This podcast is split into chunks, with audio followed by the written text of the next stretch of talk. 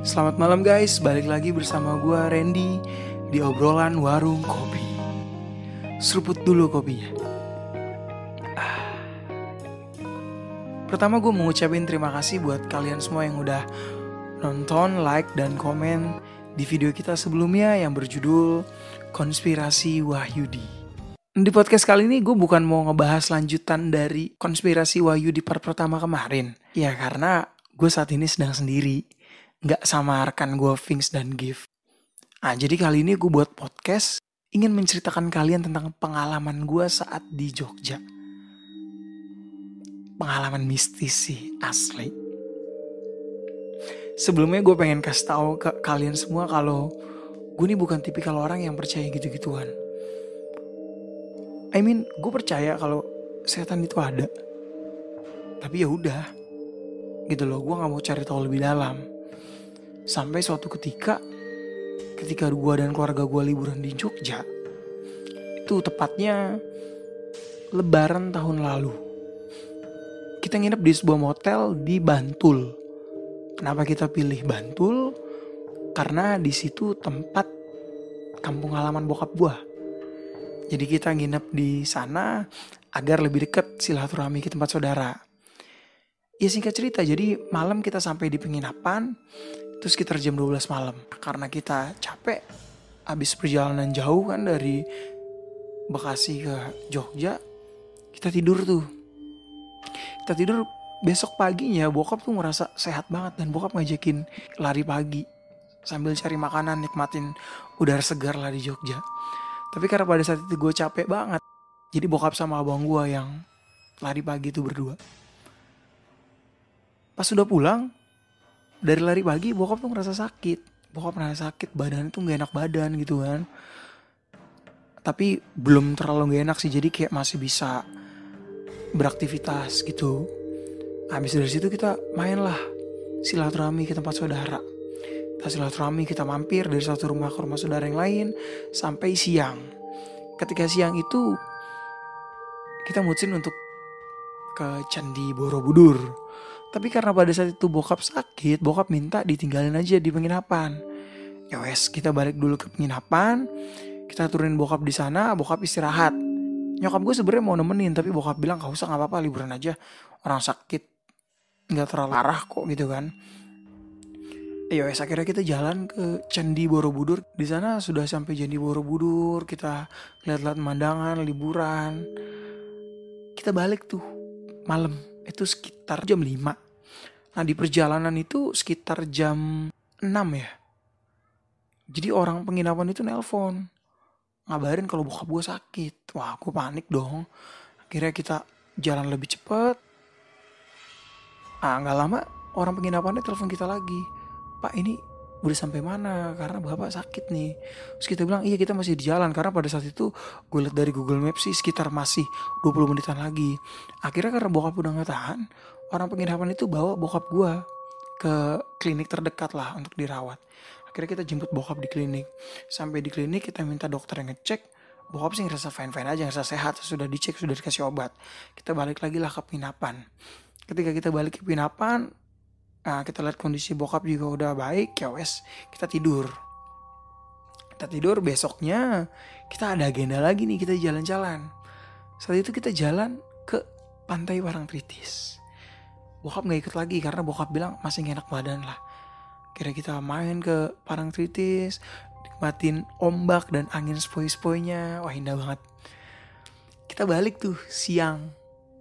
Eh, dari Parangtritis kita pagi jam 9, kita balik siang kita balik siang, kita istirahat sebentar, ngobrol-ngobrol, keluarga, ngumpul-ngumpul. Kita main lagi ke tempat saudara karena di hari sebelumnya kita belum ketemu Pak D gue yang ini. Pak D Jumar, akhirnya kita ke Pak D Jumar, silaturahmi, terus selesai jam 3 sore. Setelah jam 3 itu kita balik. Kita balik dan gue sama abang-abang gue nih mutusin untuk pengen main ke Malioboro karena udah lama kan terakhir kita masih kecil main ke Malioboro. Jadi kita mau coba jalan-jalan lagi ke Malioboro. Tapi bokap nggak ikut karena bokap juga masih gak enak badan. Dan nyokap nemenin bokap gue tuh. Kira gue sama abang-abang gue nih kita main ke Malioboro.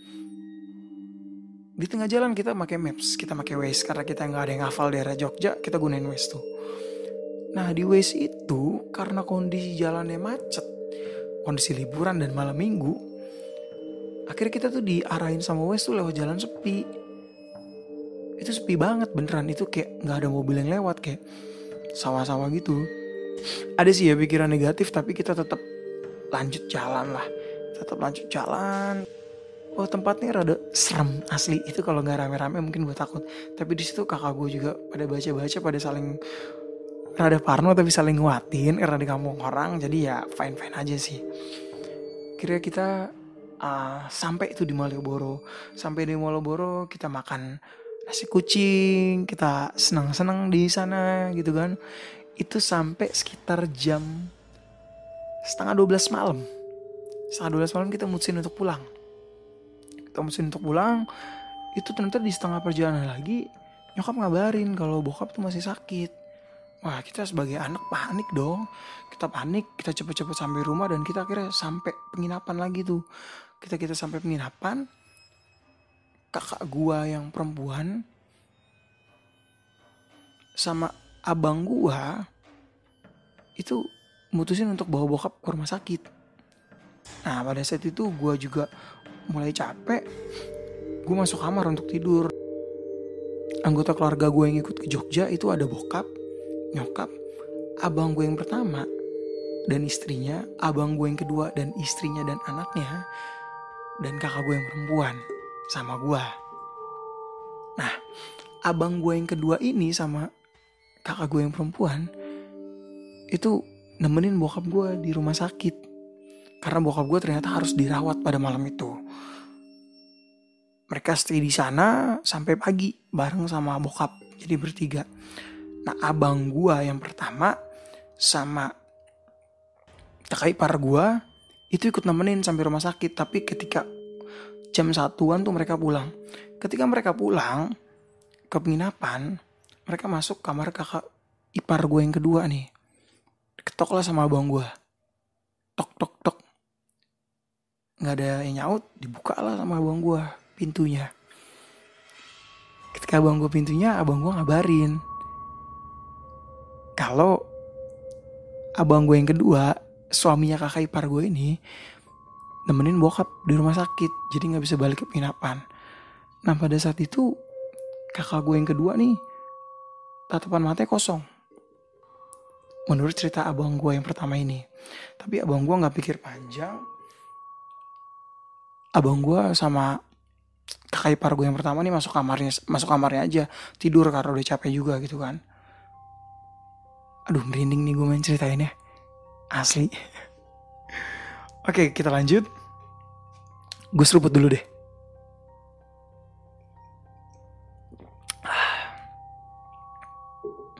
Kita lanjut ya. Jadi ketika abang gue sama kakak ipar gue yang pertama ini Tidur Kakak ipar gue yang kedua nih Masuk ke kamar gue Ketok-ketok pintu Bangunin nyokap gue Dan dia bilang ke nyokap gue Bu saya takut nih tidur sendirian. Nah akhirnya nyokap gue pun pindah ke kamar kakak ipar gue yang kedua ini untuk nemenin. Untuk nemenin tidur di sana. Nah ternyata ketika kakak ipar gue yang kedua ini tidur,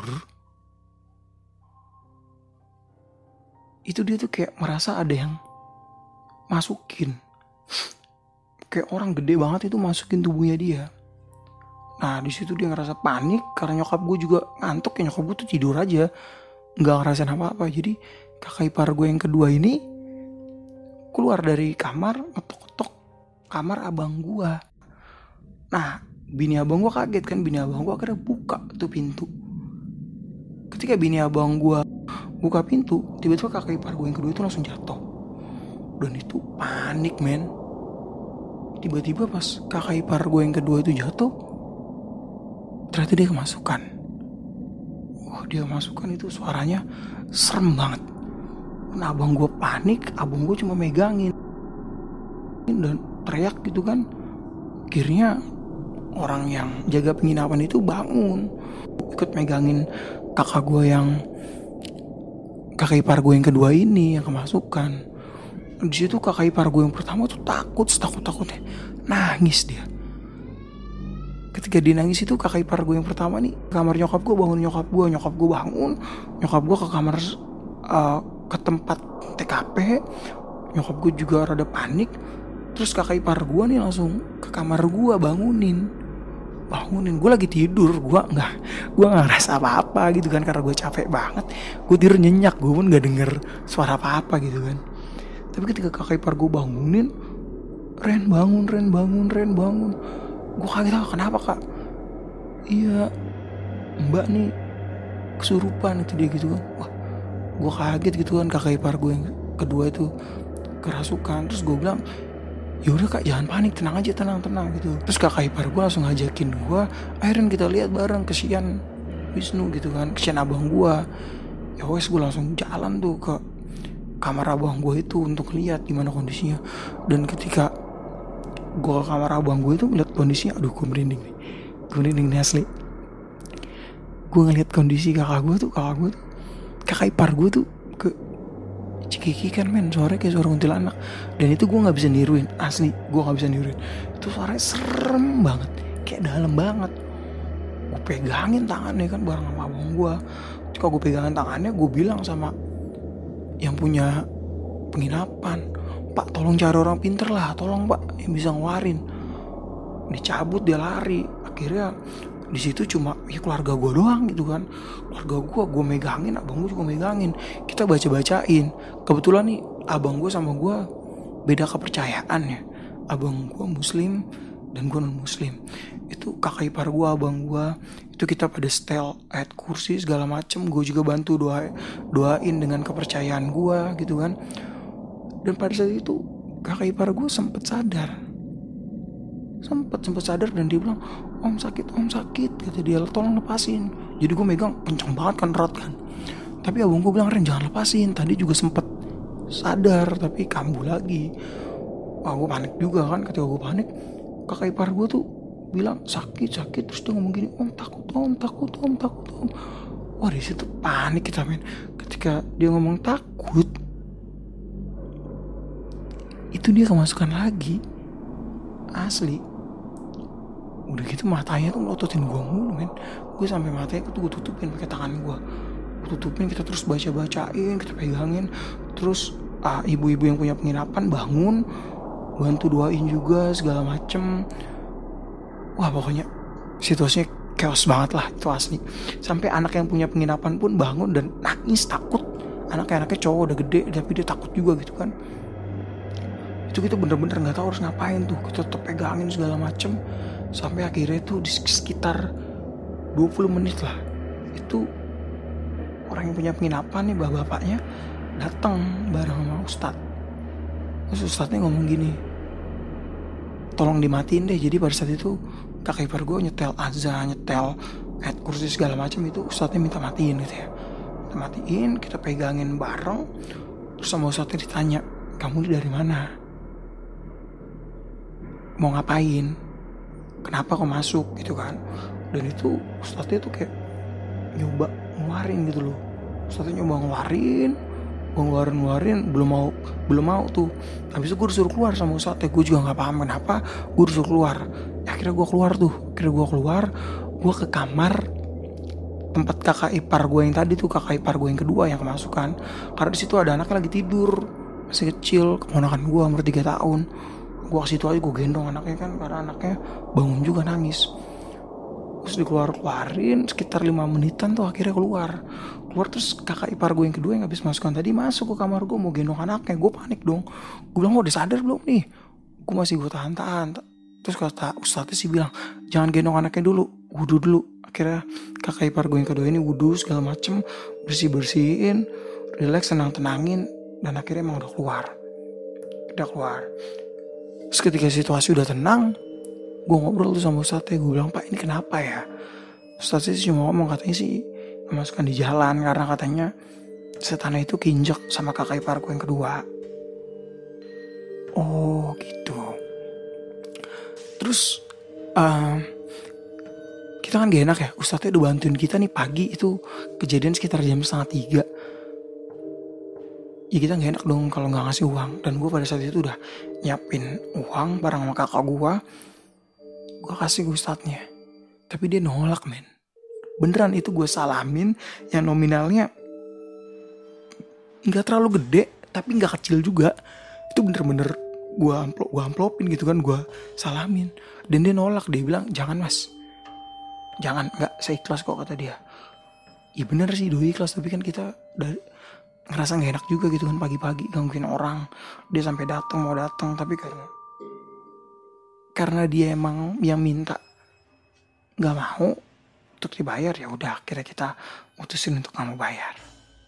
Nah pada saat itu karena kita masih dalam euforia ketakutan kita tidur tuh satu kamar tuh sampai pagi. Sampai pagi sampai uh, abang gua yang suaminya kakak ipar gue yang kedua ini sama kakak gue yang perempuan dan bokap gue balik. Nah ketika mereka balik bokap sih nanya gitu kan. Semalam masukkan iya pak. Ustadznya nanya apa? Jadi kayak bokap gue tuh udah tahu udah tahu kalau apa namanya sih uh, cara caranya gitu loh nanggulangin ya maklum mungkin karena bokap orang Jogja kali gitu ya. Mungkin kalau pada saat itu ada bokap gue kita juga nggak terlalu panik. Karena pada saat itu nggak ada bokap kita panik banget sih men itulah pengalaman gue tadi di Jogja yang itu ketika gue ceritain sekarang aja gue nih masih merinding men. Ya sekali lagi gue mau jelasin ke kalian gue bukan tipikal orang yang takut gak bahkan ketika kakak ipar gue masukkan pun gue bantu megangin dan gue nggak ada rasa takut sedikit pun. Tapi memang hawa negatifnya gitu loh itu ngebuat kita tuh kayak ngerasa tertekan. Dan kakak ipar gue tuh kurus ya tapi tenaga itu jadi kuat banget dan mukanya tuh beda. Asli men Nah semenjak saat itu gue tuh mulai nggak berani sih untuk nyari-nyari kayak gituan. Asli gue udah gak mau main-main kayak gituan karena ya gue tahu itu ada dan ya udah gitu loh. Gak usah nyoba cari tahu lah intinya. Gimana menurut kalian pengalaman gue serem gak? Atau mungkin kalian punya pengalaman yang lebih serem dari gue? Mungkin kalian bisa share itu via DM, email, atau tulis di kolom komentar. Karena gue penasaran sih cerita-ceritanya. Gue nggak pengen cari tahu tapi gue pengen baca cerita-cerita kalian. Tuh. dan pesan gue buat kalian semua setan emang ada. Tapi bukan untuk kalian takutin. Tapi bukan juga untuk kalian cari. Jadi hiduplah sewajarnya lah jadilah generasi milenial yang baik men. Yang gak usah nyari-nyari gitu kan gak usah lah lo. Wisata horor segala macem aduh. Resiko men. Ya itu pesan dari gue terima kasih udah mendengarkan sedikit curahan hati gue yang gue cerita ini sambil keringet dingin asli. Oke. Okay. thank you. Sampai jumpa di next podcast. See ya